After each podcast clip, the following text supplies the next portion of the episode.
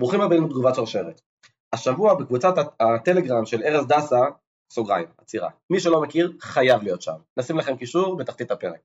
אז אחת הידיעות שם תפסה את העין שלי, והיא דיברה על ספק ענן בשם וולטר שמדווח על דלף מידע של 114 אלף לקוחות, שתוקפים השיגו גישה למידע שהיה אצל ספק צד ג'. וזה בא לי דווקא ב... בעיתוי טוב, בעיתוי טוב כי אנחנו רוצים לדבר על הספקי צד ג' ועל פרטיות ועל כל מה שקורה ביניהם. למרות שאם נודה על האמת זה לא, לא אמור להיות קשה, כי למעשה אנחנו כל שבוע רואים ידיעה כזו, פשוט זו הידיעה האחרונה, אבל כל שבוע יש לא מעט ידיעות על ספקים שנתקפים והלקוחות משלמים את המחיר, והיום נרצה להתמקד בנושא של פרטיות, והאם זה רלוונטי ואיפה זה פוגש את הספקים ואתכם הלקוחות וכולי וכולי. אז יש לנו את הכבוד היום לארח את אה, דנה, שתכף תספר טיפה על עצמה, אז קדימון קצר ומתחילים.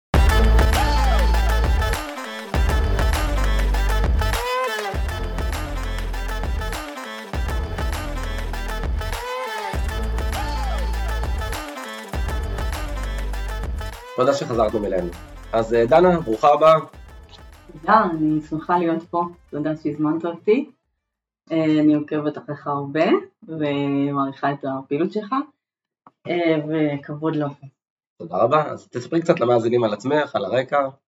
אוקיי, אז אני שותפה במחלקת פרטיות של נשיס ברנדס אמיר.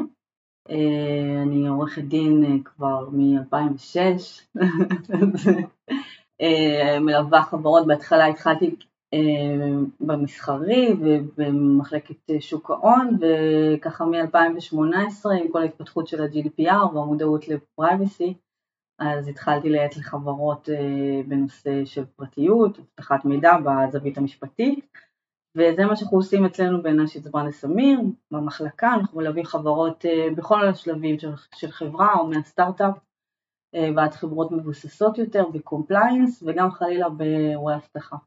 אוקיי, okay, מעניין. אז אני רוצה, כשבכלל נכנסים לשיחה הזו, להבין האם פרטיות ועד כמה רלוונטית בהתקשרות עם ספקים, מה את פוגשת, תנו איזשהו overview ככה למאזינים, כי כשמדברים על אבטחת מידע אז קל להרבה אנשים להגיד, טוב, אני רוצה לראות איך הספק ניגש אליי, ושם מידע מוצפן, והרשאות, ודברים שנורא נורא ברורים, איפה הפרטיות פוגשת אותי כארגון אל מול הספקים שלי. אוקיי, okay, אז uh, בהחלט uh, אנחנו גם רואים שהרבה פעמים uh, כל הנושא של הסייבר ואבטחת מידע הוא הרבה יותר קל לשכנוע של ארגונים uh, לפעול uh, ליישום, ובאמת הפרטיות היא קצת, מתייחסים אליה לצערי כ-nice to have, אבל הפרטיות ואבטחת מידע הם הולכים יד ביד. Uh, למעשה בלי אבטחת מידע אין פרטיות. וככל שיש לנו מידע שהוא מידע אישי, אה, או אפילו מידע רגיש, אז הסיכון של אבטחת מידע עולה. אה, אם יש חלילה אירוע אבטחה שכולל דלף של מידע אישי, אז כבר אנחנו אה, עוברים לדרגת דרגת אירוע, אירוע הרבה יותר גבוהה, והארגון יהיה סחיט יותר, זאת אומרת ארגון יהיה מוכן לשלם אה, חלילה כופרה אם הוא יודע שיש לו דלף מידע אישי, לעומת אם זה רק מידע מסחרי, לא שאני חלילה מזלזלת ב-IP או מידע מסחרי, אבל ברגע שיש מידע פרטי אז אנחנו בסיפור אחר, הרבה יותר רגיש עם השלכות אה, רוחביות, ולכן כאשר אנחנו מתקשרים עם ספקים שאנחנו מעניקים להם גישה למאגרי מידע שיש בהם מידע אישי, אז אנחנו חייבים להיות זהירים יותר, כי אנחנו בעצם, צריך לזכור שאנחנו מגדילים את משטח התקיפה, אה, הספקים הם חלק ממשטח התקיפה והרבה פעמים אנחנו באמת נפגשים עם לקוחות ש... שמאוד אה, גאים על כך שיש להם את ה-firewall הכי מעודכן והשקיעו במערכת אבטחה, לא שהם בדקו את הדיפולט שהם שינו, אבל הם, הם בטוחים שהם סגורים. למרות שהם לא מסתכלים על שרשרת אספקה, זאת אומרת הם חושבים שאם הדלת הראשית מובטחת, אז הם לא מסתכלים על החלונות.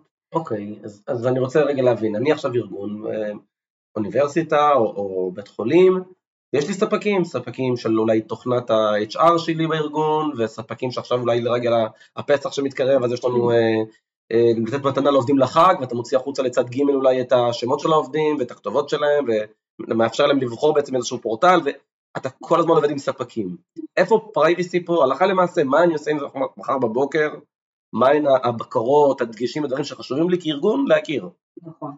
אז קודם כל עצם השאלה הזאת שאלה מאוד חשובה, כי הרבה ארגונים לא שואלים את השאלה הזאת באמת. הם לא באמת מודעים והם לא יודעים איזה ספקים יש להם גישה למאגרי המידע עם מידע אישי. Uh, עכשיו זה נכון שלא כל ספק הוא רלוונטי, זאת אומרת אם יש לי ספק של תמי 4 שרק מגיע ומתקין לי תמי 4 אז, אז, אז הסיכון הוא, אין, אין סיכון או סיכון נמוך. אנחנו, הפרייבסי נכנס במקום של הספקים שיש להם גישה למאגרי המידע.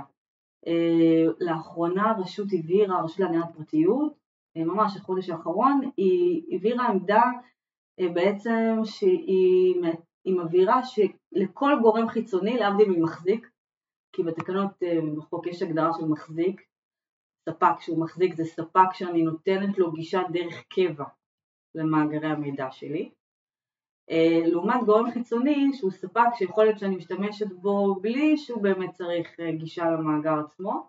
אה, אפילו היא אמרה גם ספק חומרה הוא בא להחליף לך דיסק או לעשות לך תיקון, אבל באותו שלב שאתה מאפשר לו את הגישה הזאת, יש לו גישה פוטנציאלית למידע שלך. אז פה אנחנו צריכים בעצם להגביל את הגישה. בעצם חשוב, חשוב אולי לעשות רגע אה, הקדמה בעצם מהו אולי מידע אישי. אוקיי. אה, זאת אומרת, להבדיל ממידע אחר, כי, כי למשל בהסכמי סודיות, אה, אז הרבה פעמים אומרים לנו, יש לי הסכם סודיות, אבל אם אתה מסתכל על ההגדרה של מה זה מידע סודי, אתה רואה את ההגדרה המקובלת של מידע מסחרי, know-how וכדומה, ו- ולא מתייחסים למידע אישי. אז אם, אם, כשאנחנו רוצים להגן על פרטיות, אנחנו צריכים לתת את, את המקום גם לשמירה על מידע אישי, שמה זה מידע אישי? זה כל מידע שהוא מזהה או ניתן לזיהוי. אה, של בן אדם, אה, לרבות צנעת הפרט ודברים שבעצם המידע גם יכול לשמש מפתח לדעת דברים נוספים, למשל תמונה, אם אנחנו, יש לנו ספק של מצלמות, מצלמות אבטחה, אז אפשר להגיד שתמונה כשלעצמה, אנחנו לא יודעים מי הבן אדם, אבל הרשות אומרת שאם באמצעים סבירים אתה יכול לזהות את הבן אדם, אז עצם התמונה היא גם מידע אישי.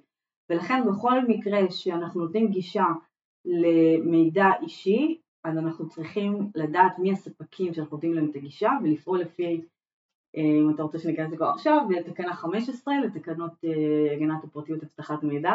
אז אולי באמת עוד רגע ניכנס לתקנות, אבל את אומרת שצריכים לדעת מי הספקים, שזה באמת אולי שלב א', כאילו נורא נורא טריוויאלי, ואתה אומר לעצמך, קשה להגן על משהו שאתה לא יודע בכלל על מה אתה מגן או מה יש לך, אז אני מעריך כי את רואה בסוף עשרות, רבות ומאות של ארגונים, אז מה זה אומר מיפוי ספקים? אני, למה אני אמור לצפות כארגון? Okay. זה באמת מאוד נכון, המיפוי של הספקים זה באמת שלב מקדמי, צריך לזכור שבאירוע אבטחה, אם יצפינו לנו את כל המערכות שלנו, לא נוכל לדעת באותו רגע של שריפה, לא נוכל לדעת אפילו מי הספקים שלנו, ולכן חשוב שנעשה את זה לא בעת השריפה, אלא כשלב מקדמי ביום יום שלנו, כי אנחנו רואים הרבה חברות שלא יודעות איזה ספקים באמת יש להם גישה. אני יכולה להגיד לך שכשאני אה, שואלת חברות בתהליכי compliance שאנחנו עושים, אז אומרים לי, אנחנו לא משתפים את המידע עם אף ספק. אבל אז כשאתה מתחיל לחקור, אז אתה מגלה שלמשל הוא משתמש בשירותי ספק ענן, או ספק אירוח, אה, ולפי עמדת הרשות להגנת פרטיות, גם אה, אה, ספקים שאתה, שמחזיקים במידע אה, כשירותי רוח, הם, הם נחשבים כמחזיקים, אפילו אם, אם המידע מוצפן ואין להם גישה לתוכן המידע ואפילו לא מעניין אותם, והם אומרים לי אני לא, אני לא מעניין אותי מה, מה הוא שומר אצלי, אה, עצם זה שיש גישה פוטנציאלית, אז זה נחשב ספק, ולכן במיפוי צריך לתת רגע, אמרת פסח, לעשות סדר, סדר פסח, לעשות מיפוי ספקים, לראות מי באמת הספקים שיש להם גישה כדי שאני אוכל להסדיר מולם אה, בהתקשרות משפטית, חוזית, את, ה, את המחויבות הלאה, כיוון שבעצם כשאני מתקשר עם ספקים כאלה אני נותן להם מפתח למידע שלי. וכמו שאנשים לא, לא נותנים את האוטו שלהם לכל אחד, אבל איכשהו את המידע, הם פשוט, אני, אני יכולה לספר על מקרה שעשינו איזה פרויקט compliance אצל חברה, זו חברה שמייצגת אומנים, אוקיי? והם היו משבצים אומנים לכל מיני הופעות מול עיריות וכל מיני דברים כאלה, והסתבר, רק בגלל שעשינו את הפרויקט.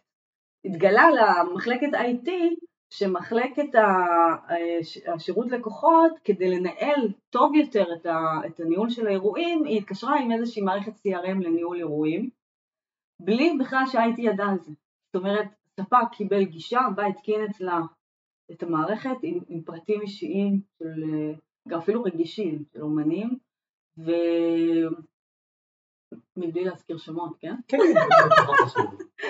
אז אה, זה דוגמה לזה שאפילו בתוך החצרים, אנחנו, המערכת IT, שאני חייבת פה להגיד ביג שאט אאוט לכל הסיסואים, אני פה, אני פוגשת סיסואים שהם הרבה פעמים מבוגרים האחראים במערכת, כי לצערי אה, עדיין יש אה, תחושה שכל הנושא הזה של אבטחת מידע זה אירוע טכנולוגי ולא אה, רחב יותר, והרבה פעמים הם אלה שמובילים את המערכה הזאת, אז קודם כל כל הכבוד לכל המנמ"רים והסיסואים, אבל זה בהחלט לא רק עניין טכנולוגי, יש פה את הזווית המשפטית, וזה חלק מה... אם אני חוזרת לשאלה, אז המיפוי ספקים ומיפוי המידע, לדעת גם איזה מידע זורם לי בארגון, זה, זה שלב התחלתי.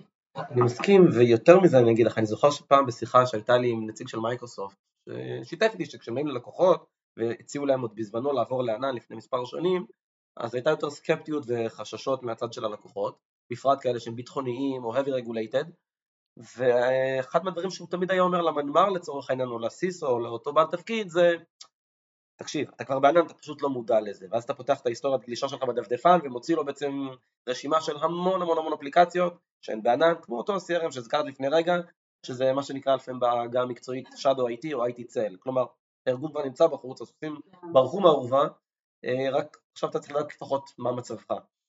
ומצד אחד זה, זו מציאות, אין מה לעשות. מצד שני אתה אומר לעצמך, טוב, אבל איפה עוצרים? כי אם אני רק אמפה את הספקי אה, IT צל או ספקים בענן, תוכנות כאלה ואחרות שנתתי להם הרשאה, זה יכול להיות תוכנה כמו קלנדלי לתאם איתי פגישה בקלות, או תוכנה כמו גרמרלי, שלעזור לי רגע לנסח טוב יותר את המייל הזה בשפה כזו או אחרת, ואתה מוצא את המידע לענן ומעבד וכולי, אז זה, זה נשמע אינסופי.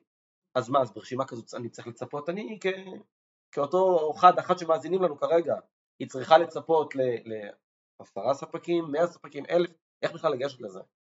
כן, האמת היא שאנחנו רואים חברות שחושבות בהתחלה שזה מסכימות איתי על שני ספקים ובסוף אנחנו עושים compliance ואנחנו רואים שיש עשרות כי למשל יש גם אפילו כביש 6 לצורך העניין שאתה נותן אה, מידע לעובדים שלך אה, ויש שם היסטוריית מיקומים וגבייה שזה מידע אה, מיקום, ניטור מיקום, זה מידע רגיש. אז, אה, אז כן, בסופו של דבר אנחנו רואים שמופתעים מאיתנו, שפתאום אנחנו עושים להם רשימה של עשרות ספקים. הדרך הכי טובה כדי באמת אה, למפות את זה, אני מסכימה איתך ש... שנכון, אז שוב, אני חושבת שהגבול הוא באמת לשים לב שזה לא כל ספק שאין לו גישה, אה, זאת אומרת, לא, כמו שאמרתי, לא תמי 4, לא אה, אבל לפעמים אפילו ספק של מכון כושר, הייתה לנו חברה שהיה להם חדר כושר בבניין וכדי להתקשר נתנו הטבה לעובדים, העובדים היו צריכים לחתום על הצהרת בריאות ואז עוד היה גם נגיד קורונה, בעצם יוצא שאתה איכשהו אה, נותן לספק שלך מידע רפואי על עובדים. אז נכון, או שזה יכול להיות גרפיקאית שאתה, או מישהו שעושה לך אנליטיקה לאתר, אז נכון, זה יכול להיות עשרות ספקים, אבל כמו שאמרת, הסוסים יצאו מהאורווה, זאת אומרת, גם בלי ה compliance שלי שאני אגיד להם תמפו את זה, יש לך אותם. אז עדיף לדעת את זה מראש. בעצם מה שאנחנו עושים, ובטח חברות גלובליות שכפופות ל-GDPR מכירות את ה... שם זה קצת יותר מסודר מבארץ, אז אנחנו בעצם עושים, אה, אתה צריך שיהיה לך איזשהו מיפוי, אנחנו עושים איזשהו קובץ כזה שבו אנחנו אה, ממפים מי הספק, לאיזה מערכות גישה אנחנו נותנים לו גישה, אה, איזה מידע, לאיזה מטרות. בעניין הזה מאוד חשוב גם לשים לב, וזה אחד מהדרישות של התקנות, להגביל את השימוש של הספקים. זאת אומרת, אם אני נותנת לכביש 6 גישה רק בשביל ניטור המידע על העובדים שלי, הוא לא יכול לעשות בזה שימוש אחר, וזה משהו שחייבים להגביל. אפשר להזכיר את זה בהקשר הזה, את המקרה של רמי לוי, של תקשורת שבו בעצם, זה מקרה מפורסם והיה כתב נכון. אישום, זה גם באתר של הרשות. כן, שבעצם הם עשו שימוש במאגר המידע שניתן להם לצורך תקשורת, לצורך טלפונים סלולריים, כדי לעקוב אחרי עובדים, אפילו היה שם אולי קשרים רומנטיים או עבירות משמעת, ובעצם עשו שימוש אחר. וזה בדיוק מה שאנחנו רוצים להגביל את הספקים שלנו, אנחנו רוצים להגיד להם אני נותן לך את הגישה למטרה X, אסור לך לעשות למטרה Y, זה גם לא חייב להיות ברמה הזאת של פלילי, זה עלה לאחרונה גם בביקורת רוחב של הרשות בנושא של סוכנויות ביטוח, שבעצם סוכנות הביטוח הוא ספק של חברות הביטוח, הוא בעצם מתווך בין המבוטח לחברות הביטוח לצורך שירותי ביטוח. אבל היא מצאה שסוכניות הביטוח בעצם עשו שימוש נוסף. בעצם יצרו מאגר משל עצמם למטרות של עצמם, אם אולי להצעת שירותים נוספים, דיבור ישיר וכדומה, והיא אמרה, ברגע שספק שלי עושה שימוש למטרות משל עצמו, הוא בעצם הופך להיות כבר לא רק מחזיק, הוא בעצם בעל מאגר משל עצמו, ולכן חובה עליו כבעל מאגר לקבל את ההסכמה מראש, של הנשואי מידע של הלקוחות. אז באמת אולי אה, דיברנו, כבר נכנסנו לצמידות מטרה ולפרטים, אז הזכרת קודם את התקנות והזכרת אחר כך את ה-GDPR ואמרת שהן לא ממש דומות, ואני חושב שהרוב יסכימו איתך שהן לא ממש דומות. תנסי קצת לעשות לנו איזשהו סדר בגדול על התקנות, אולי סעיף 15, אבל בכלל טיפה מה קורה בארץ, מול חו"ל מה קורה, מה ההבדלים. אוקיי, okay, אז באמת ה-GDPR ש, ש, שזאת הרגולציה האירופאית לפרטיות, היא, אפשר להגיד, היא הגולדן רול, היא המנחה. במקרה גם יצא שהתקנות בארץ נכנסו לתוקף במאי 2018 כמו ה-GDPR. אה, אבל ה-GDPR הוא יותר אה, אה, מנחה עקרונות. זאת אומרת, שם לא נכנסים לרזולוציה של תקנות אבטחת מידע כמו בארץ, אין שם חובה לשמור לוגים ל-24 חודשים כמו בישראל, או התקנים ניידים וכדומה, לא נכנסים לרזולוציה הזאת, הם כן אומרים שאתה חייב לנקוט באמצעים אה, אה, מתאימים אה, לפי רגישות המידע וכדומה, זה ברמה של עקרונות. מצד שני, הם מחייבים את הספק באופן עצמאי להסדיר את החובות שלו לעיבוד המידע, מטרות השימוש וכדומה, באופן עצמאי ולחתום על הסכם. זאת אומרת, נגיד בארץ, אם אנחנו מייצגים ספקים, אז הם אומרים לנו, לא שלחו לי הסכם DPA, את ההסכם תקנה 15, אז אני לא צריך. שזה נכון, כי כרגע התקנה 15 היא מטילה את האחריות על בעל המאגר להחתים את הספק. לעומת זאת ב-GDPR החובה היא, היא חובה עצמאית על הספק גם, זאת אומרת ספק לא יכול לחמוק מזה, הוא חייב להסדיר את המטרות שימוש, את ההגבלות שימוש. ומצד שני היא גם רחבה יותר כי הספק שם חייב לגלות איזה ספקי משנה יש לו ואיזה מיקומים ואם יש העברת מידע מחוץ לאירופה אז גם לחתום על ה-SEC שזה uh, Standard Contractual Clauses uh, שזה בעצם מסדיר איזשהו מנגנון הסכמי להעברת מידע לחו"ל. כאשר בארץ התקנה 15 היא מצד שני יותר מפורטת ברזולוציה, היא כן אומרת איזה נהלים צריך, uh, אבל אין את הגילוי הזה אלא אם כן הצד המזמין מתעקש איזה ספקי משנה יש לך, אתה כן צריך uh, לידע אם אתה משנה ספקי משנה, זאת אומרת המזמין יכול לדרוש uh, uh, שתיידע אותו עם מי אתה מתקשר, והכי חשוב, שאם אתה מתקשר עם ספקי משנה נוספים, אתה מחויב לחתום על הסכם דומה ולהגביל את השימוש רק למטרות שמלכתחילה, זה בדיוק השרשרת אספקה. לדאוג שה, שהחובות ימשיכו לאורך כל שרשרת האספקה, שלא יצא שמישהו פותח פתח אה, שלא התכוונת כמזמין לתת. אוקיי, okay, ודיברנו עד עכשיו בגדול בעיקר על דברים שאני עושה בשגרה כשהכל טוב, אבל לצערנו לא תמיד הכל טוב, ולפעמים קורים אירועים. אמ, ואני מנסה לחשוב רגע מה, מהחוויה שלך, מהניסיון שלך, שלכם במשרד, כשכבר קורה אירוע ומעורבים בספקים, כי זה תמיד יקרה, או פשוט זו המציאות. איפה זה בא לידי ביטוי? באותה סיטואציה. נכון, אז אה, גם אפשר להזכיר את האירוע הידוע, כי אה, אנחנו לא נזכיר שמות, אבל היה את האירוע של עמיטל ואוריאן, שזו דוגמה ממש איך ספק תוכנה מדביק אה, לקוחות, וגם אנחנו יצא לנו במשרד באמת ספק קטן יותר של תקשורת, שבעצם ההאקר פרץ לו, לספק, הצפין לו גם את הגיבוי, אה, ובעצם כל הלקוחות, היו לו כמה, נגיד עשרות לקוחות, אה, בעצם נפלו ביחד איתו. עכשיו, ברור שבשעות האלה זה כאוס מטורף, ואני חייבת להגיד מהניסיון שההבדל בין לנשום, ממש ככה, לנשום, לבין לרצות למות, ממש, אפילו אנחנו כיועצים משפטיים שמלווים והלב יוצא, זה ההבדל האם עשית את ה compliance שדיברנו עליו קודם בבט"ש, כי ברגע שיש אירוע, אז קודם כל, מכל החזיתות מתחילים לחקור אותך כספק. הרגולטור מבקש דיווח, הוא מבקש גם דרישה של מסמכים. ודבר ראשון שהוא מתחיל לבקש זה אגב אם עשית את המיפוי, אם יש לך אה, תשתית, אה, אה, מיפוי גם של התשתית, אה, אם יש לך הסכמים, אם יש לך נהלים, אם עשית אה, ביקורות, בקיצור כל הנושא של compliance פשוט מתעורר והוא יכול, יכול לעשות את כל ההבדל בין אם אתה, הרי כולם מסכימים שקו ההגנה לעולם ייפרץ ו, וזה לא שאלה כבר של האם אלא מתי ואפילו כמה פעמים. אה, גם לפנטגון פורצים, אז, אה, אז זה בסדר שלספקים יפרצו אגב, זאת אומרת, אבל זה כמו כל מבחן אה, רשלנות משפטי, בעצם בודקים האם נקטת באמצעים הסבירים כדי למנוע.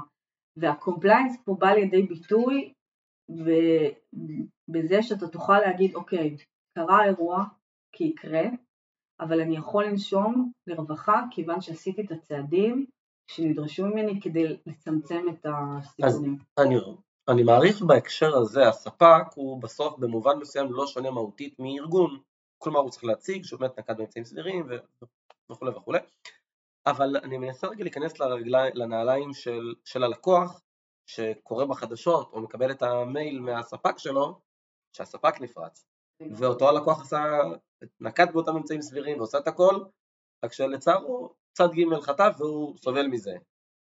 אז תראה, האמת שגם באירוע שאנחנו, שהזכרתי קודם, אז גם הלקוחות עצמם לא, בוא נגיד ככה, לא היו מודעים יותר מדי, אבל זה באמת, גם הלקוח יכול להרגיש, זאת אומרת לקוח אם הוא ארגון, לצורך העניין והוא יכול להיות ארגון שגם נותן אה, שירותים לעוד לקוחות, שגם הלקוחות האלה יפנו אליו ויגידו אני שמעתי שיש מקרה מה קרה, אז אם, אם הוא כבעל מאגר מידע שהזמין שירותים אצל הספק דאג לנקוט באמצעים אז, אז גם הוא יש לו עכשיו צמצום של חשיפה מול הלקוחות שלו. אבל למשל באירוע ש... שציינתי אם, אם הוא כשלעצמו לא, לא התקשר בהסכמים לא הגדיר לספק מי המורשה גישה מטעמו, מה מטרות העיבוד המידע, מה הם מבצעי האבטחה, אמ, כמה זמן הוא יכול לשמור את המידע, הרבה פעמים יוצא שספקים שומרים מידע שלא צריך, מידע עודף מה שנקרא, שאין אין זכות, אין אה, זכות חיונית יותר לשמור את המידע, זה סתם מגדיל את הסיכונים. אז, אה, ואנחנו רואים באמת באירוע שלקוחות ישר.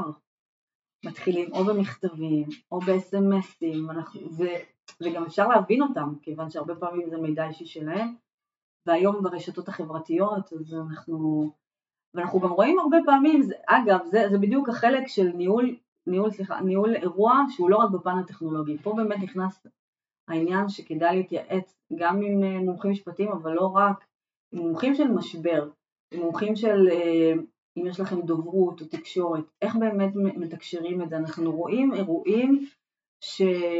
שאחר כך יש חשיפה בגלל שדבררו את זה לא נכון, או שהארגון ניסה להכחיש, או שהארגון לא היה שקוף עם, ה, עם הלקוחות.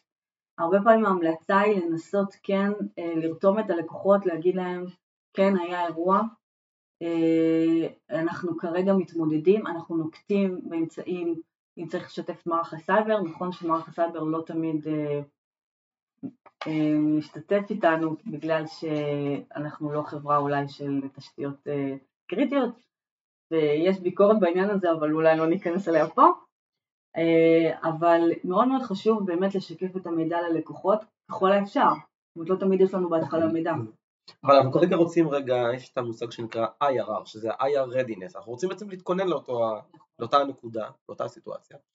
אז מה לדוגמה יכול להיות חשוב להכניס בחוזים שלי כלקוח מול הספקים שלי, בשביל שחלילה יקרה משהו אצל הספק, אני אהיה יותר מוגן. קודם כל מאוד חובה, אה, אם אפשר להגיד מאוד חובה, חובה להסדיר את התפקיד של הספק בקורות אירוע. אני רוצה כמזמין, קודם כל לחייב אותו לעדכן אותי במיידי. אפשר להזכיר בעניין הזה שעד לפני כמה חודשים היה, הייתה פרשנות של הרשות להגנת פרטיות, שניתן אה, לדווח לרשות תוך 72 שעות. הרשות שינתה את הפוזיציה ואמרה לא, אני רוצה שתיידעו אותי מיד, אה, כי אה, היא רוצה להיות יותר שותפה לאירוע, היא באיזושהי מגמה להגיד אני יכולה גם לסייע לכם, אל תחששו לדווח, אני רוצה לשתף, אנחנו באמת רואים את זה שהרשות באמת בשיחות הראשונות אז היא, היא רוצה באמת להיות יותר לצד החברה ש, שהיא רואה בקורבן, זאת אומרת הרבה פעמים היא רואה בקורבן ולא רק ישר מאשימה. אבל מאוד חשוב להסדיר בהתקשרות מול הספק בעצם את חובת הדיווח שלו, את החובה שלו לשתף איתי פעולה. מה זה אומר? זאת אומרת לתת לי, אם אני רוצה לשלוח לשם אה, IR משלי שיבדוק את, ה, את המערכות, יעזור בזיהוי, בבלימה, אז הוא, הוא צריך לשתף איתי פעולה. אה, מאוד חשוב גם להסדיר את הסודיות, זאת אומרת שלא יצא מצב אנחנו כארגון רוצה לשלוט על הסיטואציה כמה שאפשר, ברור שבהתחלה יש כאוס, אז אני לא רוצה שהספק שלי יודיע לספ... לספקים אחרים, אלא אם הוא חייב. אה, אז אני רוצה שאם הוא חייב, שהוא יעדכן אותי, כדי שנוכל לתאם ביחד ולשלוט ביחד, זה מאוד מאוד חשוב, כי אחרת בעצם האירוע עוד יותר יוצא משליטה, וככל שיש לי יותר ספקים, ואולי לספק יש ספקי משנה שהוא צריך להודיע, אז אנחנו בעצם מאבדים את השליטה, אנחנו רוצים אה, מאוד להיות אה, מתואמים איך מנהלים את האירוע. אחד מהדברים גם של הרדינס זה שיהיה לי כמזמין נוהל אירוע תגובה, שבו אני ככל שאפשר אקבע מראש מי הצוות תגובה שלי. כמובן שזה שונה מארגון לארגון, זה גם תלוי ברגישות המידע, כמובן אם אני מוסד רפואי אז זה יהיה שונה מאשר סתם עסק B2B שאולי יש לו פרטי קשר על אה, נציגים ולא יותר. אנחנו רואים שכמובן בכל מגזר גם יש המלצות, נגיד למשרד הבריאות יש המלצות ממש איך אה, למוסד, אה, כמו קופת חולים, מה צריך להיות בנוהל תגובה שלה, מי צריך להיות, כמובן שצריך גם כמה שיותר לידע מראש, הכי טוב נגיד אפילו לקבוע קבוצת וואטסאפ שקטה שבה מי שהוא חבר בצוות התגובה כבר יודע שהוא צוות תגובה מאוד, מאוד גם כדאי לעשות סימולציות ככה שהסיסו כבר יכיר את החברת IR ואם יש לנו צוות של ניהול משברים שהוא יכיר אה, כי גם הרבה פעמים אה, יש בגלל הכאוס מאוד חשוב להגיד גם לסיסו קודם כל לשים את כל הנושא של האשמה בצד ולהגיד כולנו פה מטפלים כרגע זה לא כרגע משנה מי, איך, ואיך ולמה, אלא פשוט לכבות את השרפה כמה שיותר מהר. אז חלק מהרדינס זה באמת לבנות צוות תגובה, ושגם יכירו אחד את השני, ולהעריך מראש מה הנכסים הקריטיים, אוקיי? אה, כדי שבאמת בתעדוף של המשימות בכאוס הזה נוכל אה, קודם כל לראות איך אנחנו מתאוששים ומרימים חזרה את הנכסים הקריטיים. אה, זה אני חושבת. אוקיי, אז, אז אני מנסה לעשות סיכום, כי אנחנו באמת לקראת סיום הפרק, ואני אנסה לשים את הפרויקטים נקרא להם, שדיברנו עליהם, כן. ואני אשמח שתוסיפי עוד פרויקט או שניים ככה למאזינים ולמאזינות שלא דיברנו עליהם. כלומר, אם אני עכשיו האזנתי לפרק ואני אומר, אוקיי, כנראה צריך לבדוק בבית אצלי בארגון את נושא מיפוי הספקים, נכסי המידע, מי ניגש, לאיזה מטרות.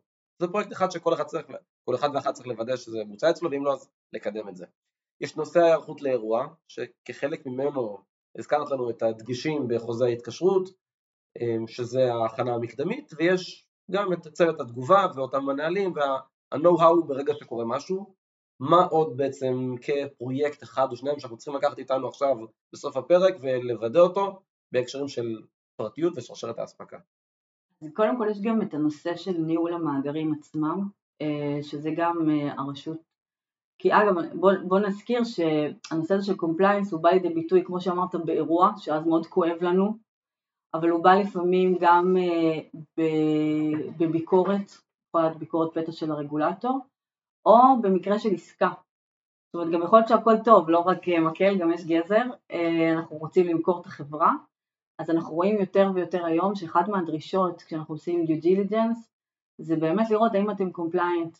זאת אומרת, יכול להיות שגם תידרשו לזה בקטע טוב, ואתם תצטרכו להראות אם, אה, אם אתם compliant. אז חלק מה-compliance זה גם אה, איך אתם מנהלים את המאגרים לפי הדין הישראלי, צריך גם לרשום את המאגרים, אז אה, חלק זה, זה גם מאוד עוזר לנו, המיפוי מידע והמיפוי ספקים הוא עוזר לנו גם לנהל את המאגרים, כיוון שברישום המאגרים אנחנו צריכים לדווח למשרד המשפטים מי מחזיק לנו במאגרים, או מי הוא גורם חיצוני שהוא לא מחזיק אבל אנחנו נותנים לו גישה. אז בעצם צריך לבדוק גם את רישום המאגרים שלנו. חשוב שיהיה לנו גם בקרה תאגידית ברמה של למנות את מי שצריך, אם זה ממונה אבטחת מידע, אם זה מי מנהל המאגרים. אה, חשוב שיהיה לנו גם אה, נהלים נוספים של אם, אה, אם למשל ספק יש לו מידע ופונה אליו לקוח שלי ורוצה לממש את הזכויות שלו, יש לו זכויות לפי הדין הישראלי שהן גם שונות קצת מה-GDPR, אבל יש לו זכויות לעיין במידע, זכות לתקן את המידע, אה, סתם אם אתה רוצה לפנות לסלקום או להגיד איזה מידע יש לך עליי, אז מותר לך. אה, יש סד זמנים מסוים שאתה צריך להגיב, אז אם אה, במקרה לקוח שלי פונה לספק במקום אליי, מאוד חשוב לי להסדיר את זה גם מול הספק, להגיד לו במקרה של בקשה למימוש זכויות, אנא ממך תיידע אותי כמה שיותר מהר כדי שאני אעמוד בסד זמנים, אבל אל תגיב ישירות. אני אישית אה, ממליצה למזמינים להגביל את הספק כי אני רוצה לשלוט בלקוחות שלי, אז אני אומרת להם אה, אל תגיבו, רק תיידעו אותי ותשתפו איתי פעולה. אז זה גם משהו שמאוד מאוד חשוב, כל הנושא של מימוש זכויות. הייתי מוסיפה גם נורא חשוב, מה שדיברנו גם זה הרבה פעמים ה compliance הפנימי, מאוד חשוב גם כלפי חוץ, זה בדרך כלל מדיניות פרטיות שלנו, שזה בעצם ה-public facing, זאת אומרת, וגם אם מישהו יחפש תביעה, אז דבר ראשון הוא ייכנס לאתר שלכם ויסתכל במדיניות פרטיות, לראות מה גיליתם, מה ידעתם, האם זה לפי החוק או לא.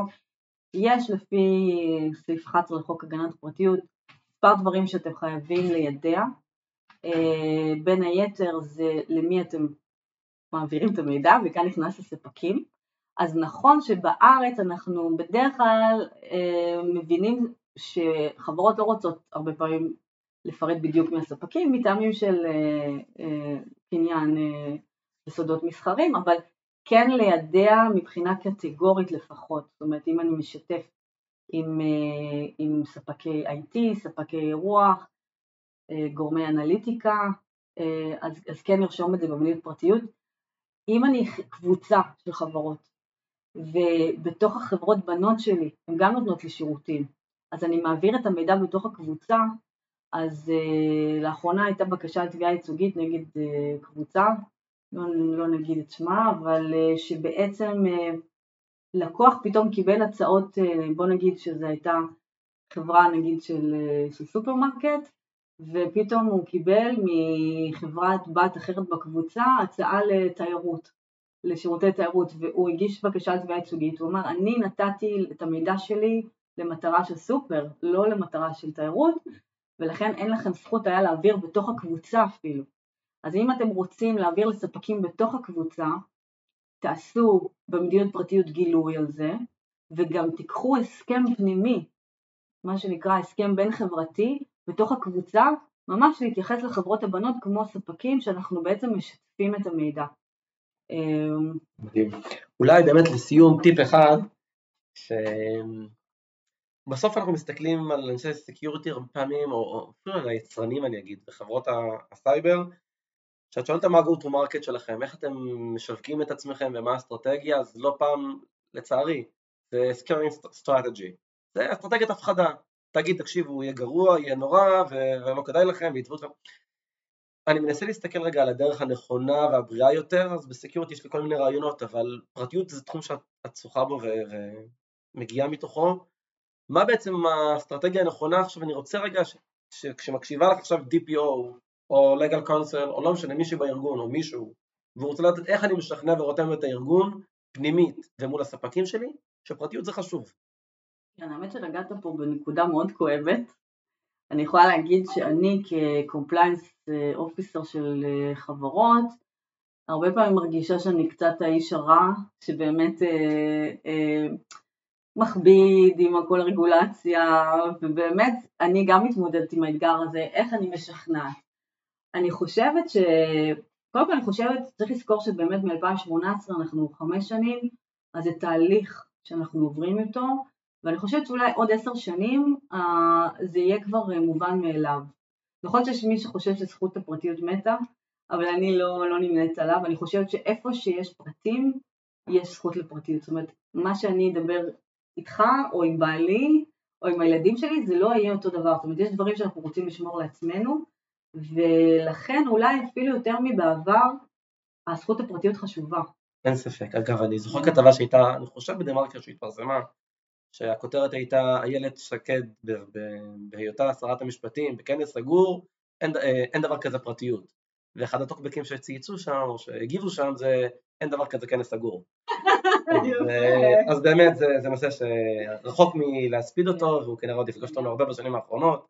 תודה גדולה גדולה דנה שהיית איתנו ותודה שהייתם איתנו אז אה, אם אתם רוצים לשמוע עוד פרקים, נשמח שתשתפו את הפרק ותשמעו פרקים נוספים שלנו, אנחנו זמינים באפליקציות הפודקאסט הנפוצות. תודה רבה. תודה רבה לכם.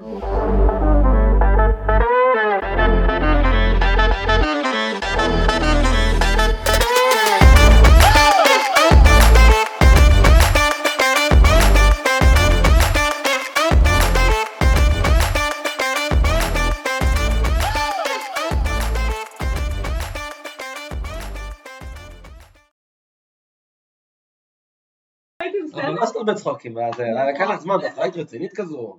ואמרתי לעצמי בראש בטח שהוא מחליף את שם הפרק, זהו, אולי תעשה פרק. אבל היית בסדר? תדחוף את הצחוק רק מההקלטה, תדביק אותו גם בהתחלה, בתשובות הראשונות. סתם. כן, סתם צחוק.